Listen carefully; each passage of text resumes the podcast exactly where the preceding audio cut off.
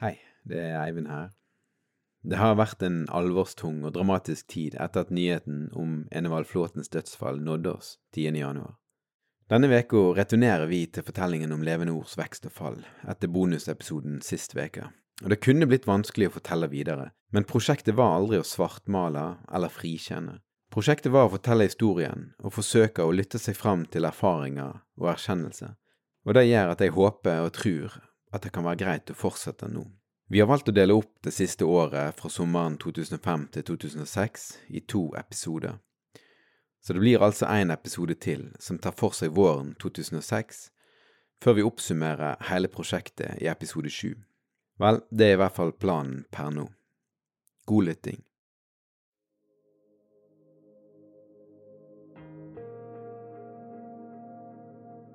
Sommeren 2005 var det ventet 8000 mennesker til sommerkonferansen ved Leve Nord. Det var internasjonale pastorer med store menigheter, og det var politikerdebatt med rikspolitikere som Kristin Halvorsen, Audun Lysbakken, Martin Kolberg, Carl I. Hagen. Debatten ble direktesendt på Dagsrevyen. Men sommeren etter, i 2006, var det stille på Øvre Kråkenes. Konflikten som begynte å dukke opp til overflaten i desember 2005, og som eskalerte utover våren 2006, hadde lamma den store menigheten. For første gang kunne ikke Leve Nord arrangere sommerkonferanse i det hele tatt. I denne podkasten følger vi bergensmenigheten Levende Ord fra starten i 1992 og fram til krisa i 2006, som førte til at menighetens grunnlegger og leder, nå avdøde Enevald Flåten, måtte gå. Hvordan kunne en menighet vokse til å bli Norges største menighet så fort, og hvordan kunne det hele kollapse så plutselig? Du lytter til podkasten Levende ords vekst og fall. Mitt navn er Eivind Algerøy. Dette er femte episode, Oppe på høyden.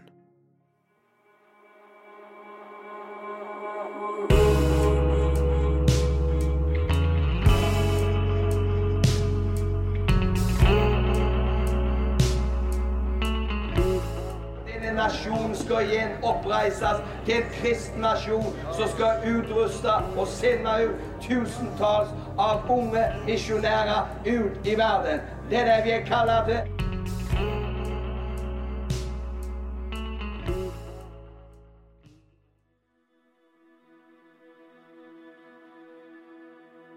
I salen ble det mottatt hele talen med begeistring, og jeg ble avbrutt flere ganger under fremføringen av talen, så jeg følte jo at jeg var kommet til mine egne. Dette var Carl I. Hagen. Jeg møtte han på Stortinget, der han fortsatt har sitt daglige arbeid som Frp sin representant for Oppland. Carl I. Hagen besøkte Levende Ord i 2004 og 2005, og jeg tenkte det ville være interessant å snakke med han om denne opplevelsen. Vi begynner nå på det dramatiske siste året i denne fortellingen, og det året begynner med en menighet som smaker på nasjonal innflytelse.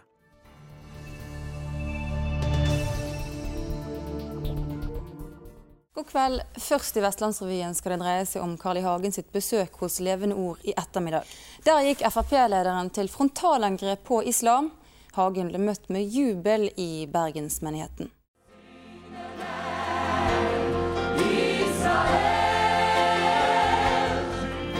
De er venner av Israel og Fremskrittspartiet. Blant de 2700 medlemmene av Levende Ord i Bergen er det flere aktive Frp-politikere og mange Frp-velgere. Derfor ble Carl I. Hagen invitert til å tale under Levende Ords sommerfestival. Vi kristne er veldig opptatt av barn. La de små barn komme til meg, sa Jesus. Jeg kan ikke skjønne at Mohammed kan ha sagt det samme.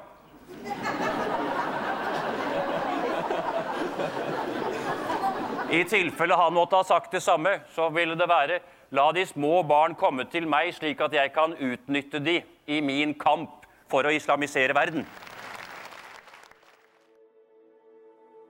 Så hvordan opplevde Hagen kontakten med Flåten og Levenor med sin lange fartstid i politikkens verden? Jeg spurte han hvordan det var å stå på scenen på Øvre Kråkenes, og du må unnskylde den politiske parentesen han kommer med på slutten, Men jeg syns det var artig og litt interessant å ta med som et apropos til en som veit en del om maktens anatomi, hvis eh, jeg kan si det sånn. Ja, altså, jeg fikk mye applaus, og det er en deilig følelse. Jeg var kommet til mine egne. Jeg hadde salen i min hule hånd. Litt om opplevelsen av å være der. Hvordan var det å stå på scenen der og se settingen og Det er ikke alle politikere som er ærlige. Jeg prøver å være det. Og det er, det er, det er en deilig følelse. Det er det samme som maktutøvelse er en deilig følelse. Og det er derfor makten må begrenses. Fordi det er deilig å kunne si til folk du skal gjøre sånn, du skal gjøre sånn, du skal gjøre sånn, og så må de gjøre sånn. Da føler du deg liksom litt stor og betydningsfull, og det er deilig. Og det er derfor plan- og bygningsmyndighetene pleier jeg å si, de må vi kontrollere. Fordi en byråkrat som bare sier når du søker om å få bygge på garasjen eller hjørnet, så ja, det er i orden.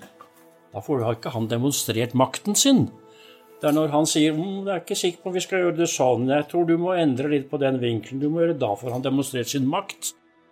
Carl I. Hagen var på Levende Ord i 2004, og det var da han poengterte forskjellen mellom Jesus og Muhammed, som du kanskje kan huske. Og det er på sett og vis på sida av vår historie, men det kommer inn nettopp fordi det skjedde på Levenor. Og selvfølgelig fordi det sier noe om at Levenor og Enevald Flåten hadde en jakt på innflytelse, som du kanskje husker Flåten snakke om i forrige episode. Ja, det var kampen mellom Kristelig Folkeparti og oss om pinsemenigheter, frikirkelige menigheter. Og jeg, hadde jo flere møter i Evangeliesenteret. Hadde var på Saronsdal i debatt med Kjell Magne Bondevik, så vi hadde en del sånn rundt omkring. Og det var en bevisst strategi fra, fra min side. Kan du si noe mer om på en måte akkurat denne eh, kampen om de kristne velgerne som foregikk på den tida? Altså hvor bevisst ja, La oss si f.eks. når han Omland tok kontakt med deg, sant, og du reiste der. Ja, altså det er jo fordi jeg drev jo valgkamp hele tiden. Alle politiske ledere driver i realiteten valgkamp hele tiden. Og dette dukket jo opp når det var, la oss si, de frikirkelige miljøene var på høyden. Så dette var i mange år en kamp om hva du kan kalle de kristne velgere. Og den, på, den pågår jo ennå. Den er der ennå. Selv om den ikke er så fremme i media som den var den gangen. Enevald Flåten hadde kontakt med Carl I. Hagen gjennom Torkil Omland, som var i Levende Ord-systemet, og som òg var Frp-politiker. Jeg spurte Hagen om han trodde at kontakten mellom han og Flåten kunne være av gjensidig nytte. At Flåten og Levende Ord oppnådde noe av sin visjon gjennom å involvere seg i det politiske. Det har jo ikke jeg tenkt på, men det kan det være.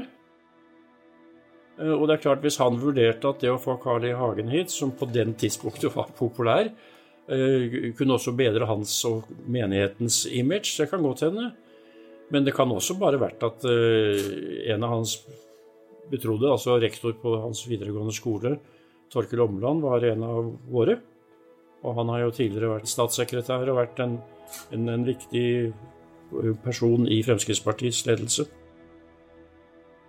Flåten sier i sitt intervju med oss at han lytta ikke til noen på den tida der pga. stolthet og overmot, som han sier sjøl. Jeg tenkte jo at her er det sikkert noe i det, og at hvis han på en måte utnytter sin makt, som jeg sa innledningsvis, altså det er derfor makt må kontrolleres, fordi det er en deilig, fin følelse. Derfor må makten kontrolleres, og det var nok det jeg tenkte at det kan nok være han har istedenfor å være klok og gi etter og lytte til råd, har bare forlangt at alle skal gjøre som han sier. Da, da går det galt. Det besøkende på Levende Ord var, var for meg en opplevelse. Jeg ble tatt imot som en konge og behandlet som en konge, og fikk bare rosende ord. Og det var på den tid også hvor jeg fikk mye utskjelling i andre miljøer. Veldig, veldig hyggelig og koselig.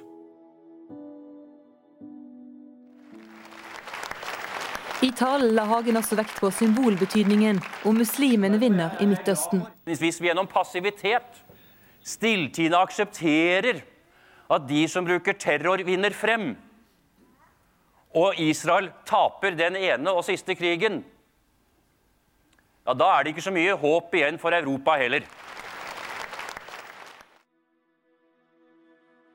Hagen besøkte altså Levende Ord helt mot slutten av flåtens tid der, i en tid der Levende Ord strekker seg mot skyene, men der det også lever en undertone av eh, ja, hva er det egentlig? Misnøye, kanskje, men òg bare en følelse av at noe har gått galt eller er i ferd med å glippe.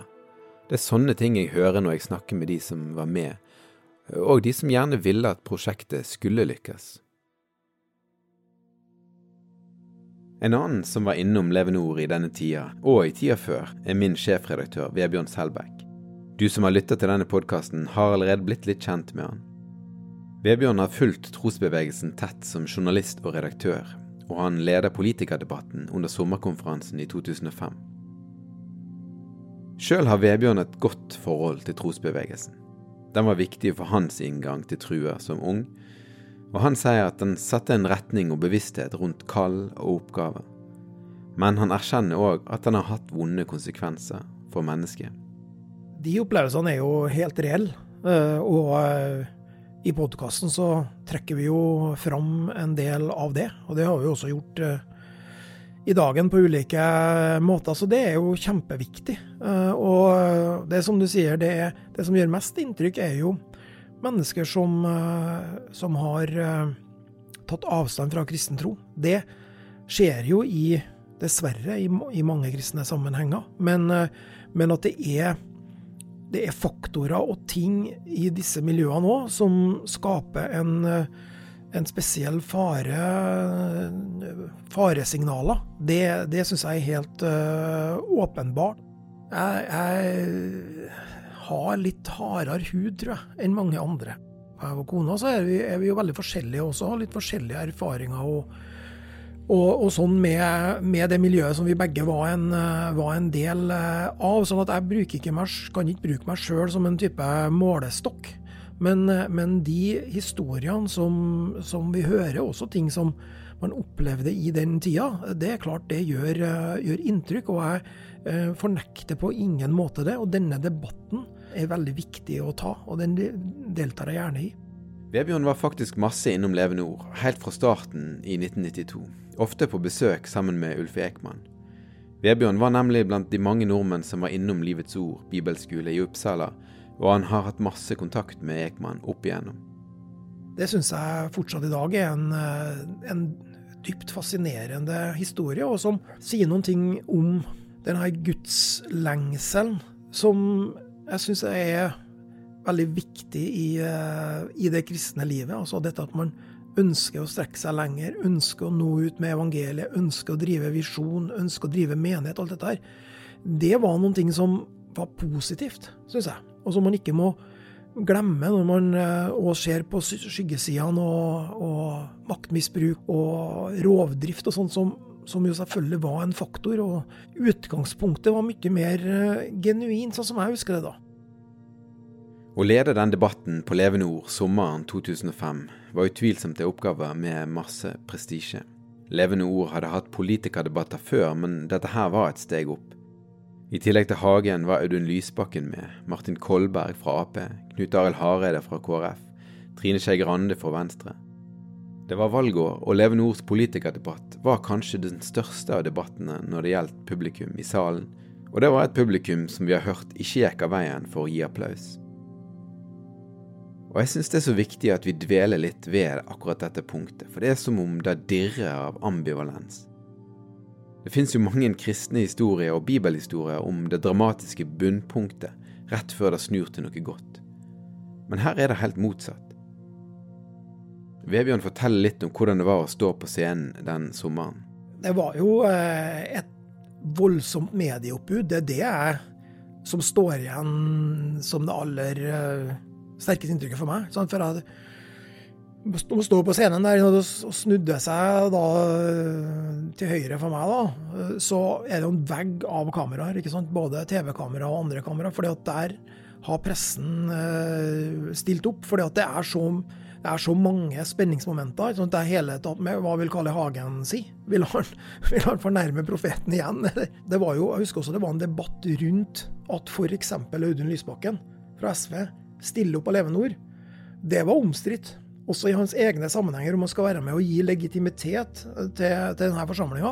Så det var det spetakkel om. Og også så var det en politisk eh, spenning, fordi det var stortingsvalg, og dette var liksom eh, kunne bli i hvert fall et av de større arrangementene når det gjelder Det er mange TV-sendte debatter, selvfølgelig, men når det gjelder eh, publikum i salen, så kunne dette bli en av de, en av de større eh, debattene. Så det var veldig mange sånne eh, spenningsmomenter, da.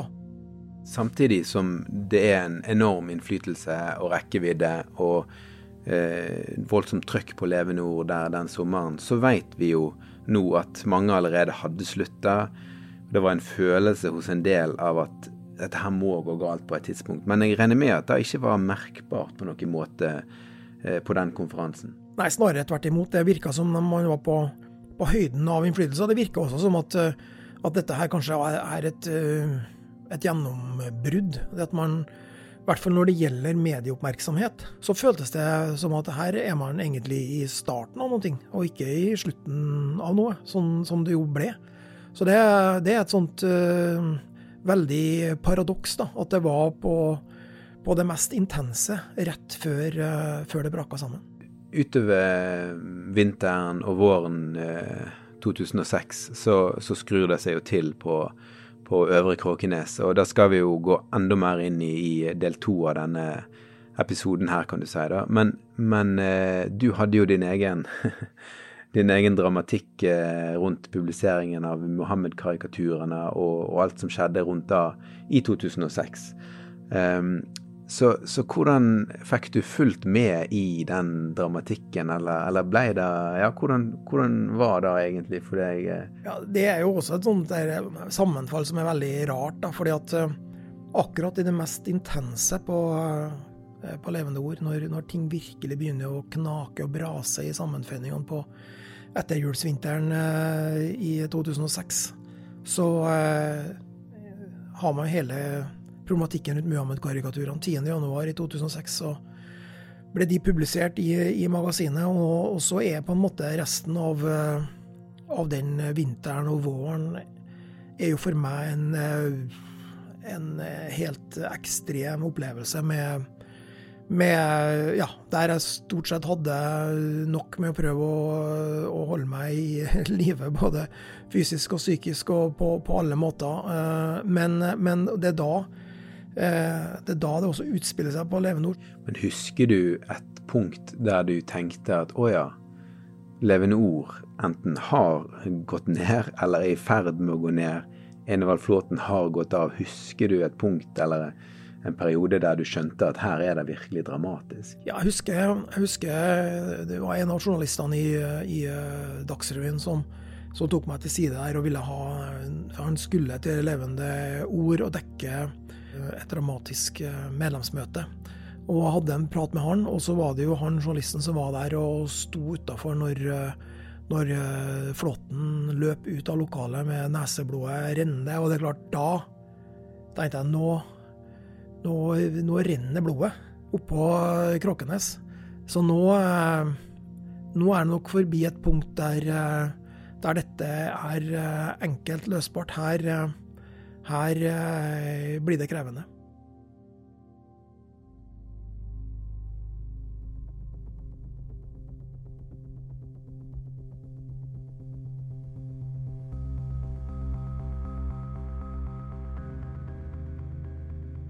Så godt som alle jeg har møtt, ser at sommerkonferansen 2005 dirrer av motsetninger.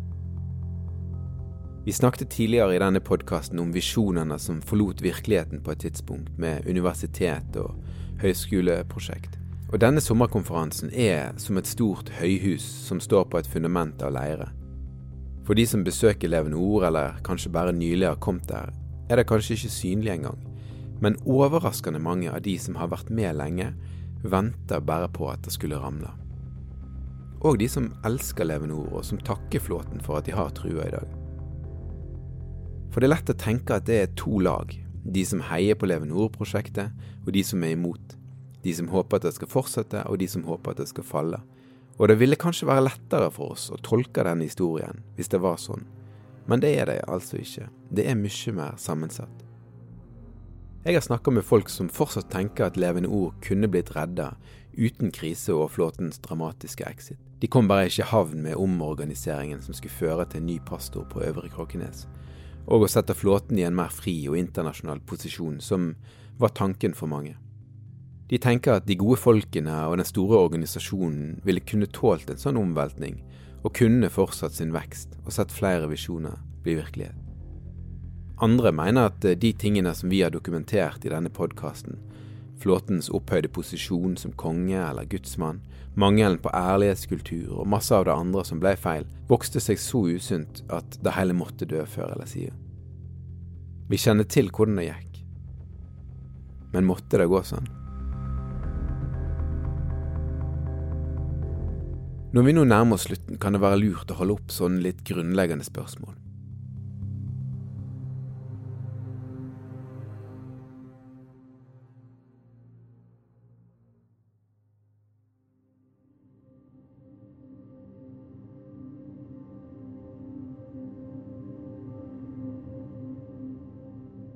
Jeg fikk snakke med Andreas Gravdal, forfatter, kunstner og ungdomsveileder, som i mange år har holdt foredrag til unge mennesker med titler som Godt nok og Du trenger ikke være den beste versjonen av deg sjøl, og Kraften i fellesskapet og relasjoner.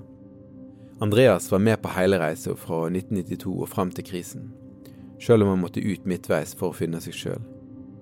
På slutten var han aktiv i det imponerende ungdomsarbeidet og ansatt sammen med Tor Håkon Eiken, som var ungdomspastor.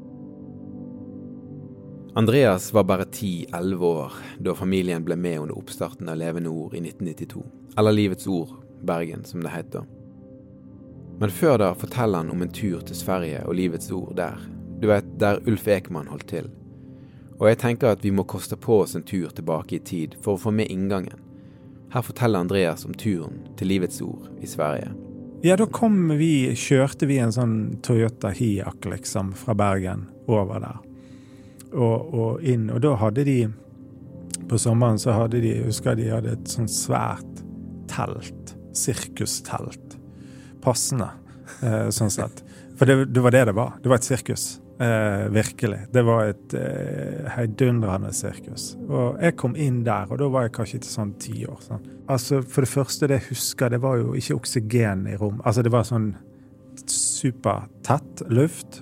Det sto folk i, i, i ved inngangen til teltet i skjorte og slips og hadde sånn skilt på, på, på, på, skjorten der det sto at de var sånn vert eller møtevert eller sånn.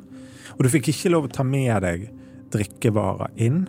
Jeg husker en av de tingene jeg så, det var liksom i voksne damer i, i, i kjoler sto og sånn hoppet og danset eh, i, i benkeradene til musikken, da.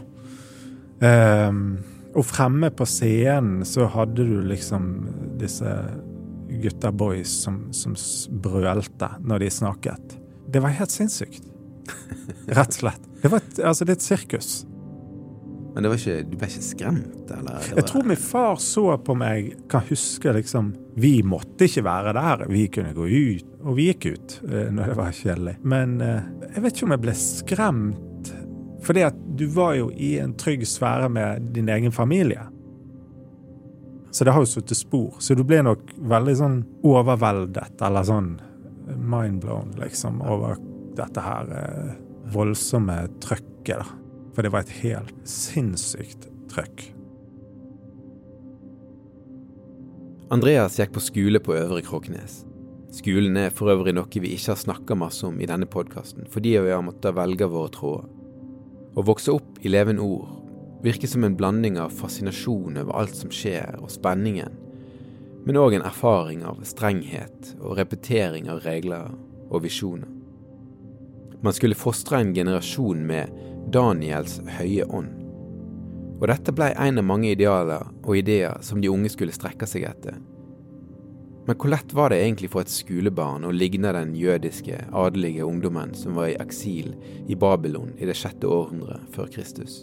Daniel kan være Daniel. Du skaper sånne ideer som du skal strekke deg etter. Som, ja, men det er ingen her som er Daniel i Bibelen. Sånn, jeg er Andreas på Nærstund. Så kan du ha forbilder, og jeg skjønner jo det, men, men hele poenget er at det skaper en slags konflikt da, mellom levd liv, den du er, og idealet. Den gang var det ingen som på en måte dro i bremsen der på den måten at hallo, drit i hva de sier i menigheten. Du er jo et menneske. Altså, du skal være den du er.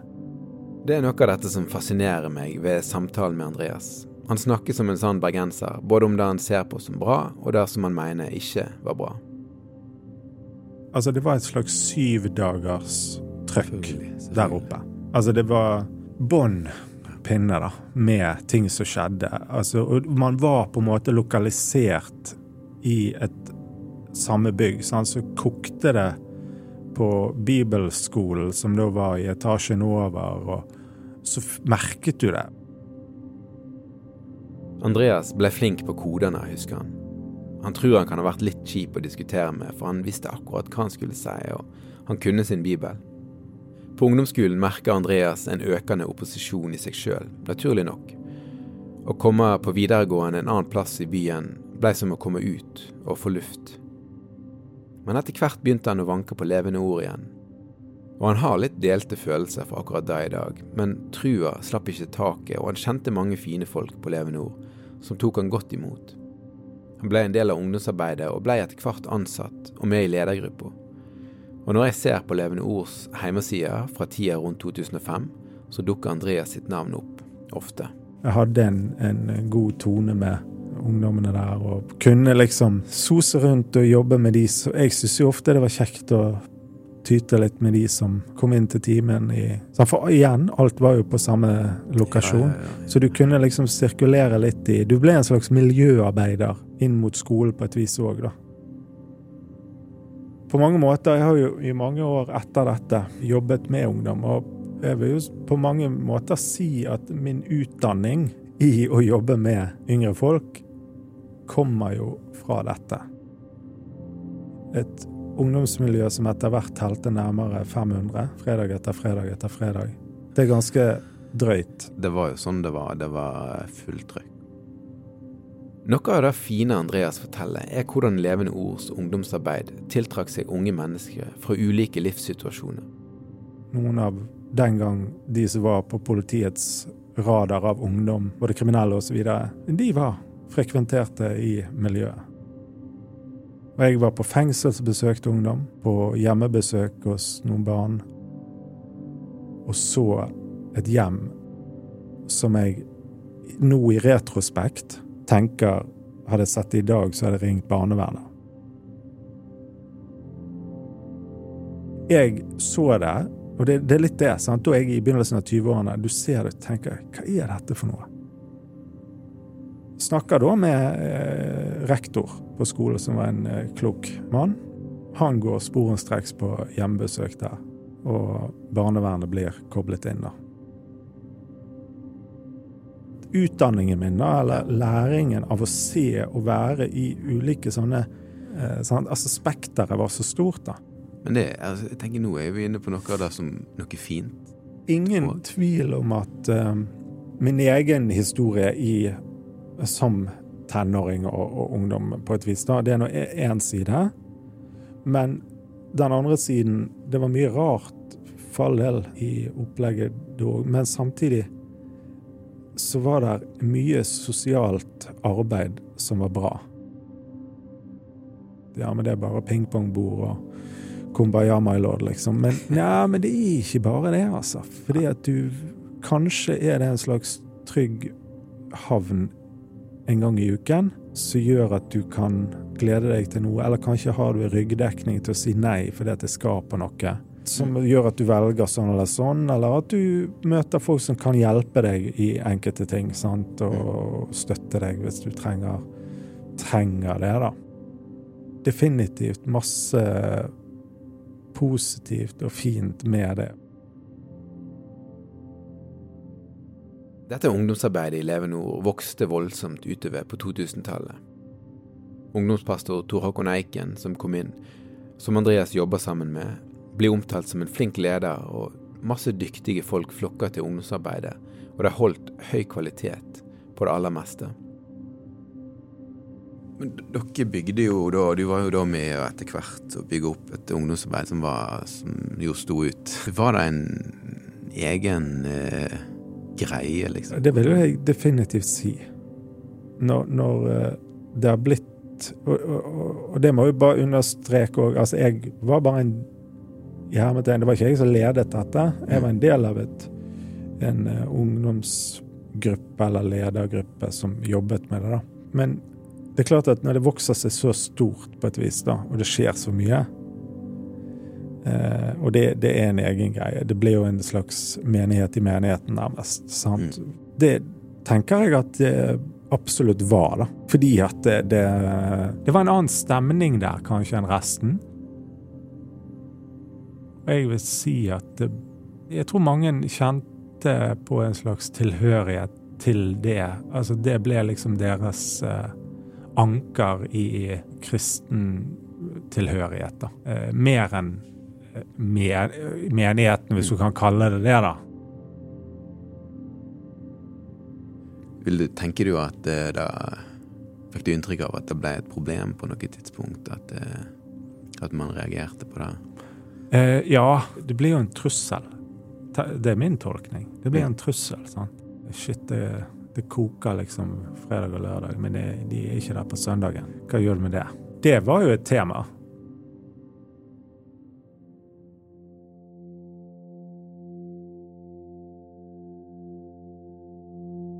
Disse tingene rører seg i den tida der sommerkonferansen 2005 gikk av stabelen, og utover høsten. Og det er jo derfor sommerkonferansen blir stående som et punkt med veldig konflikterende følelser, ambivalens. For det er kanskje det tidspunktet der levende ord når aller lengst ut. Men som vi har snakket om, så gikk mange med en tanke om at noe var feil.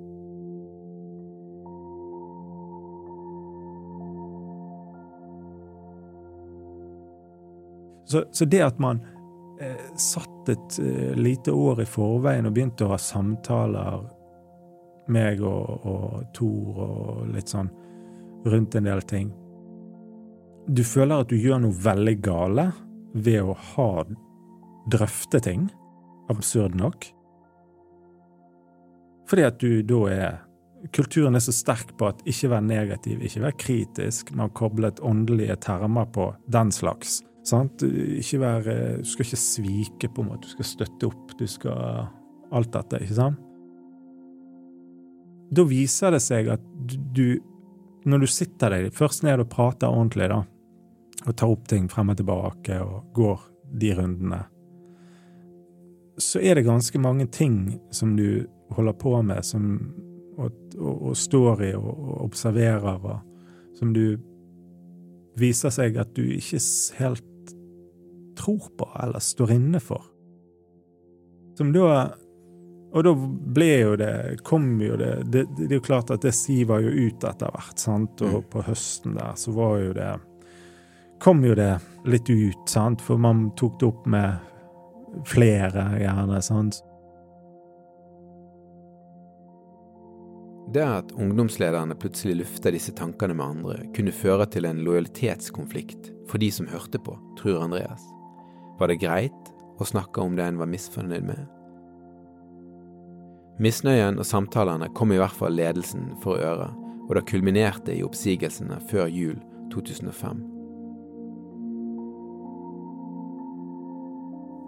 Det var jo egentlig da rundt desember i 2005 at på en måte den første synlige tegnet kom når ja, Tor Håkon mm. sa opp. Ja, jeg sa opp egentlig samtidig med han. Jeg tror at uh, da hadde det pågått eh, en del sånn prosesser i Hva skal jeg si Ting, ting som eh, Jeg var ikke nødvendigvis involvert i alle de samtaler på lederplanet som han var, eh, men prosesser som gikk på ting strukturelle ting i måten man ledet på. Kanskje hadde det litt med dette som vi snakket om her, at uh, ungdomsarbeidet ble en slags uh, menighet i menigheten. Noe av det Andreas reagerte på, gikk inn mot det teologiske, egentlig til roten av noe av det trusbevegelsen er, eller var, eller i hvert fall ble oppfatta som. Så da eh, satt jeg i mitt møte med ledelsen i, i, i, i menigheten og forklarte hvorfor jeg ikke hadde tro på dette. Jeg tror en av de tingene som kanskje jeg, jeg eh, husker som på en måte var en slags sånn viktig punkt for meg på et vis, da, det var jo at den hva skal jeg si, kulturen i trosbevegelsen, den, den har et, et egentlig ganske dårlig menneskesyn. Kall det bunnplanken i den kall teologien. Fordi at man har, mener jeg, i Den kulturen har ikke så stor respekt eller tro på, på mennesket. Du har en slags uh, sannhet som du skal forvalte, og den kan du liksom på en måte nærmest sånn trenge på folk, på et vis. Da. Du kan den, Dette vi tror på, eller denne uh, det, Disse absoluttene, nærmest, da, kan, har vi rett til å liksom kjøre over folk med, på et mm. vis.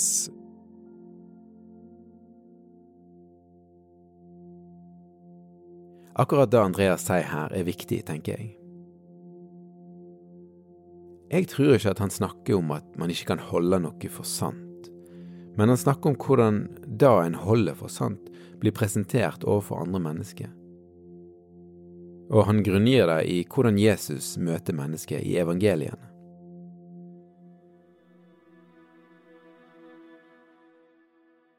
Sånn, når folk helt opplagt, de er dødssjuke, kommer til han, og så spør han likevel hva vil du jeg skal gjøre for deg? Jeg ser du ikke jeg er fillesyk, liksom? Altså, Jeg har ikke trengt å spørre om det. Men jeg tenker det handler om akkurat det. At han tar seg ikke til rette. Han eh, dikterer ikke. Han Det er respekt, da. Og det vil jeg tørre å påstå er en slags eh, total mangelvare i den Hva skal jeg si Teologien, jeg vet ikke om det Eller kulturen, eller eh, i det hele tatt, da. Og det er klart at det, det var nok et slags, for min del, desidert, tror jeg, største stein i skoen, da. Det er òg noe Andreas sier om de visjonene som vi har vært innom. Og jeg tror dette her er noe som mennesker som var med i Leve nå, har tenkt en del på i ettertid, og som det er ulike meninger om. Noen tenker nok at det var greit, at det var inspirerende ideer som kunne skape tru på vekst for Guds rike, mens andre mener at det nok blander sammen Guds vilje med menneskets vilje, for deres del, og at det var veldig uheldig. Jeg tenker det oppdraget er det, det, er Hva oppdrag?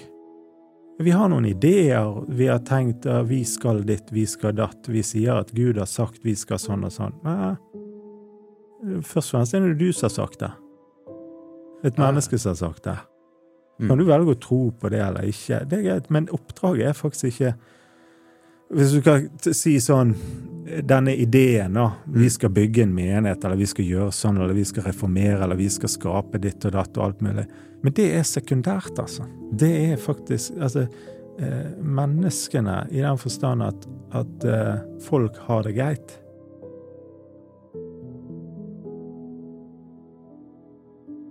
Det, det, er veldig sånn blunt, eller på en måte, det, er vanskelig å si det så, så, konkret, men det er på en måte Jeg føler det er to motsetninger, eller det er en motsetning når, når menighetskulturen eller oppdraget eller visjonen eller ideen man har fått, da, er så viktig at det er den som må frem, det er den som må bygges, det er den som skal, skal vokse.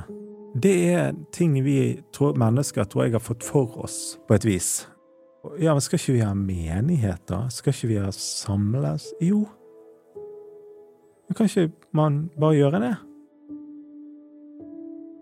Kanskje det er der på en måte våre store egoer og ideer kommer inn, da. At vi, vi har vi, det må jo være noe mer. Det må jo bli større, eller det må jo ditt, eller det må liksom skje mer. Men den revolusjonen som eventuelt skjer inni et enkelt menneske, det er jo helt ekstremt, kanskje. sant? Det er en kontrast der, da, føler jeg. Capslock-kristendom snakker Andreas om, altså kristendom med store bokstaver, og jeg skjønner hva han mener. Høyt volum på stemmen og to streker under svarene, sjøl de svarene som ikke nødvendigvis er så klare hvis du leser Bibelen. Disse klare, enkle svarene, sant? det viser seg at det kanskje ikke funker helt. Det er ikke det hele bildet. sant? Altså Idet du du prøver å liksom sette sånne rammer på ting. da, sånn Ramme inn troen, ramme inn Gud på et vis. Sånn er Gud, sånn er troen, sånn er det. Min opplevelse av Jesus er at du, du får tak på ham, men du får ikke tak på ham. Altså, han er Altså, han Altså, tenk på det. Hvor ofte leser du i, i, i, når han snakker og forteller? Altså, han stiller spørsmål, han forteller gåter. Han, og de går derfra litt sånn irritert og klør seg i hodet, folk som hørte på. sånn, Hva er det han mener? Hvorfor kan ikke jeg bare si svaret? Hvorfor kan jeg ikke bare komme med fasiten? Hvorfor kan jeg ikke bare si det rett ut? Jo, fordi at det er kanskje ikke rett ut. Mm. Kanskje det, det, handler om at du skal bruke nøtten din, du skal bruke hodet, du skal tenke, du skal være selvstendig, du skal det, det er et større bilde. I det du tror du har forstått det, så har du mest sannsynlig misforstått. Altså, du har i hvert fall ikke forstått hele bildet. Forenkle det, kanskje. Riktig, sant? Det, ja, man forkynte helbredelse i ja. de, disse forsamlingene, ikke sant? Herfra til månen. sant? Altså, det var tro og bekjenne, ja, sitere Skriften og bekjenne ut. Helbredelse og for så vidt eh, syndfrihet på en måte, da, er noe som vi har fått, noe som Jesus ordna på korset, sant? Mm. Ja, jeg tror det. Det var en sånn eh, engelsk uttrykk som var altså The word says it. I believe it. That settles it. Howdy. Det oppsummerer litt dette. Ja. Ja. Eh, har Guds ord sagt det? Jeg tror det. Ja, da er det i boks. Så da er spørsmålet, hvis Guds ord har sagt det, hvem er det, det som ikke får det til? Det må være han som ikke helt tror på det, da.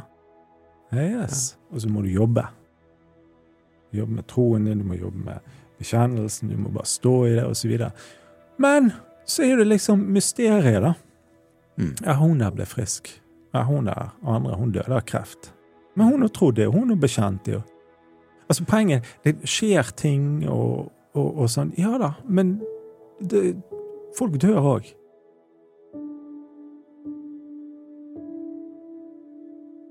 Jeg vet ikke hvordan det Andreas sier nå høres ut for deg.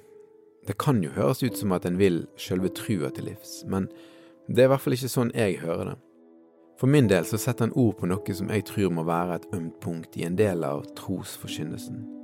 På den ene sida så sier man utvetydig at helbredelse er en rettighet for den kristne, noe man allerede har fått.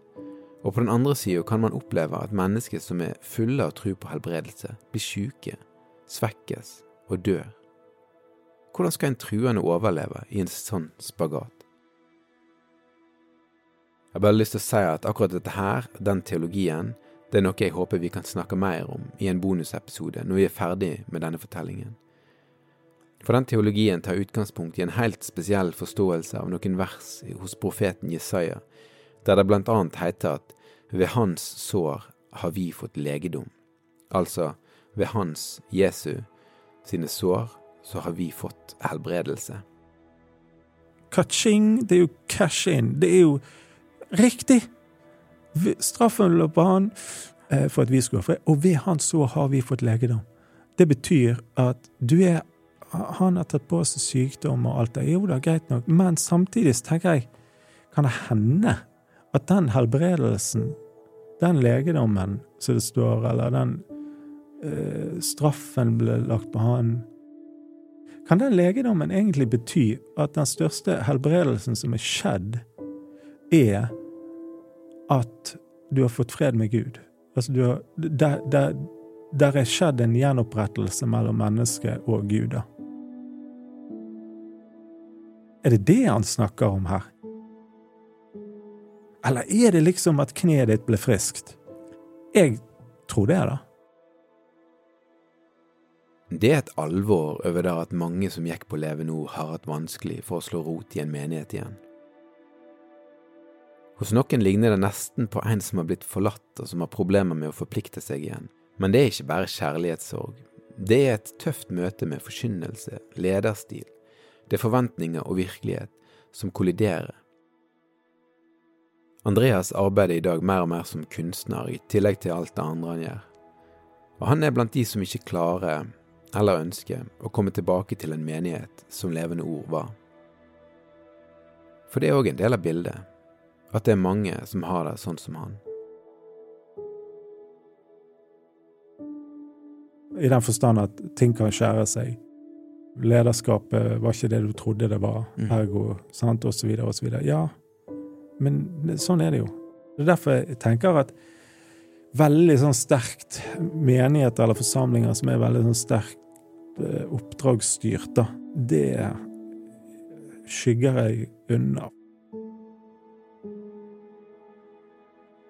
Jeg tror ikke på det. Du har sett så altfor godt hva det kan bli, men òg hva det er underveis. Det, det tror Altså, det er bare det. Jeg, jeg, jeg, kobler ikke på det i det hele tatt. Kan jeg gå i kirken? Ja. Definitivt. Men jeg, jeg, du finner meg nok mest sannsynlig ikke i den type eh, settinger.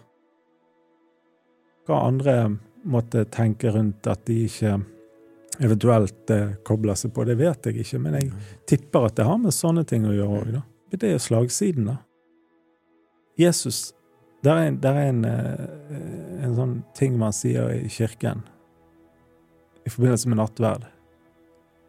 Kom, for alt er ferdig. Og da tenker jeg Da var vi der, da. Det er det, er det som er clouet. Hvis vi kan slutte å legge til så mye, hvis vi kan slutte å pynte på greiene da, som allerede er der, som er godt nok, så tror jeg kanskje at det kan være kjekkere for de fleste. Og kanskje blir det ikke så stort, så ekstraordinært, eller og så videre. Men det gjør kanskje ikke noe. Kom, for alt er ferdig. Det er en gavepakke, rett og slett, akkurat det. Der er jeg nå, da, tenker jeg. Og det er vel kanskje det jeg ser tilbake på, at det var Det var langt fra ferdig, det vi holdt på med. det var, der, var, der var ikke det så mye som var ferdig.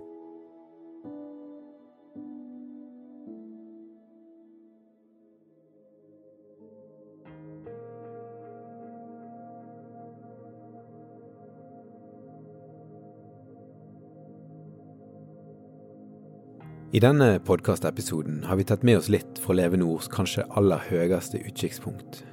Og for meg er det et poeng ved denne fortellingen. At det er så kort mellom det som for mange så ut som toppen, til den harde og bratte nedoverbakken som fører til 1. juni 2006 og Flåtens dramatiske exit fra menighetslokalene på Øvre Kråkenes.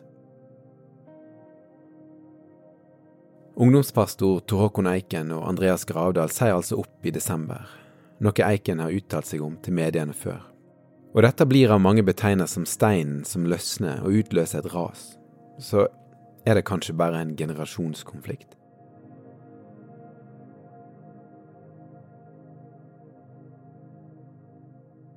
Jeg tror ikke det.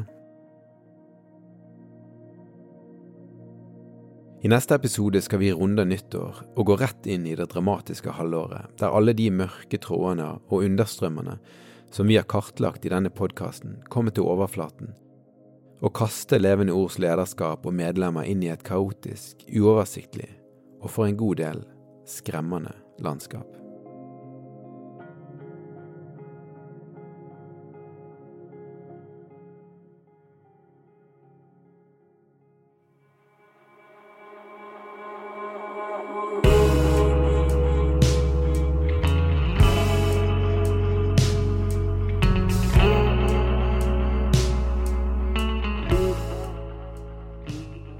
Du har lyttet til podkasten Enevald Flåtens levende ord, en podkast for dagen. Klipp Miriam Kirkholm. Idé- og reportasjeledelse ved Vebjørn Selbekk. Konsulenter har vært Herman Fransen og Christian Mastrande fra Lyder Produksjoner. Sosiale medier og grafikk ved Simon Sætren. Tittelsporet er låten 'Engleøyne' fra artisten Stenersen. Og jeg heter Eivind Algerøy.